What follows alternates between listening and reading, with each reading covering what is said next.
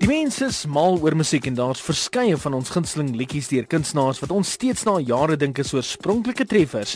Iets soos Soft Cell se Tainted Love van 1981, wat eintlik 'n Gloria Jones treffer van 1965 was.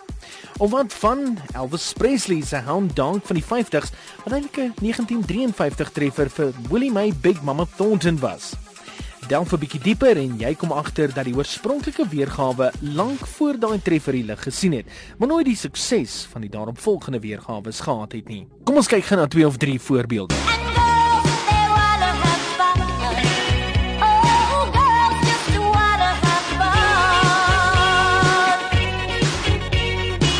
Wel dit ene wêreldwye treffer, nee, Cindy Lauper was een van haar grootste treffers gewees. Sy was nommer 2 gewees op Billboard in Amerika in 1983 en 1984 en het dit later ook 'n Rolling Stone en 'n MTV toekenning gekry, ook 'n VH1 toekenning.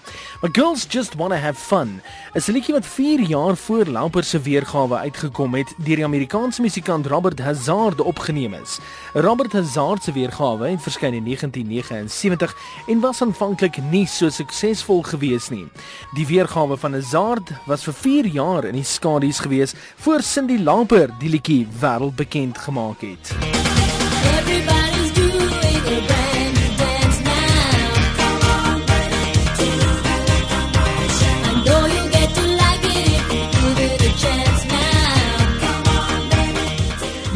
groot deel van die laat 80s, selfs die vroeë 90s en by verskeie troues in die millennium, het mense die Locomotion gedans van Kylie Minogue. Men weet dat hierdie liedjie eintlik terugdateer na 1962 toe, 'n hele 25 jaar voor Kylie Minogue se weergawe uitgekom het.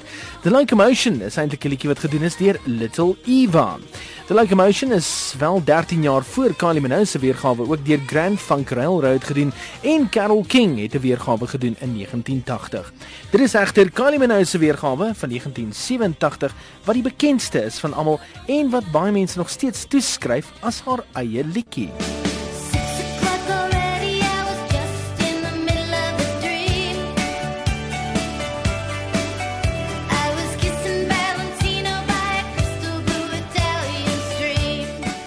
Ja, en selfs die Bangles se Manic Mondays nie gevry waar van die lys af nie. Manic Mondays geskryf deur Prince, jy weet die een van Purple Rain en aanvanklik gegee vir Apollonia 6 in 1984.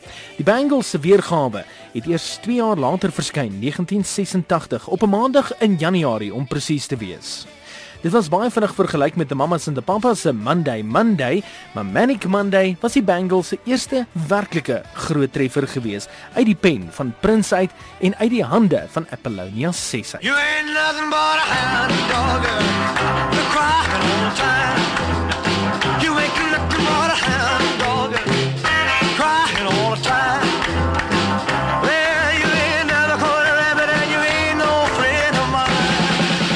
En glo dit of nie, maar die heupe homself, die man met die kuif, die man met die stem in die gesig, die aanvanklike koning van rock and roll, Elvis Presley, is ook nie so skoon soos wat mense dink nie.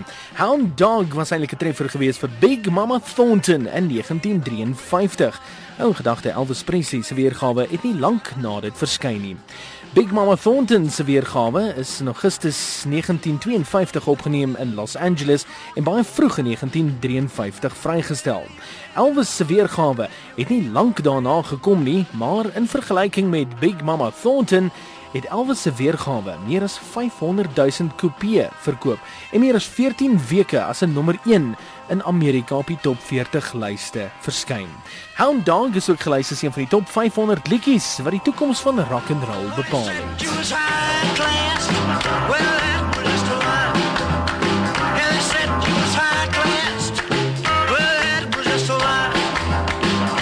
Die lys van liedjies wat aanvanklik deur persone of groepe gedoen is en uiteindelik treffers vir ander mense geword het, is 'n ellelange lys en as ons vandag sou begin, sou dit ons 'n hele maand vat om ten minste net deur 'n gedeelte van hierdie lys te werk.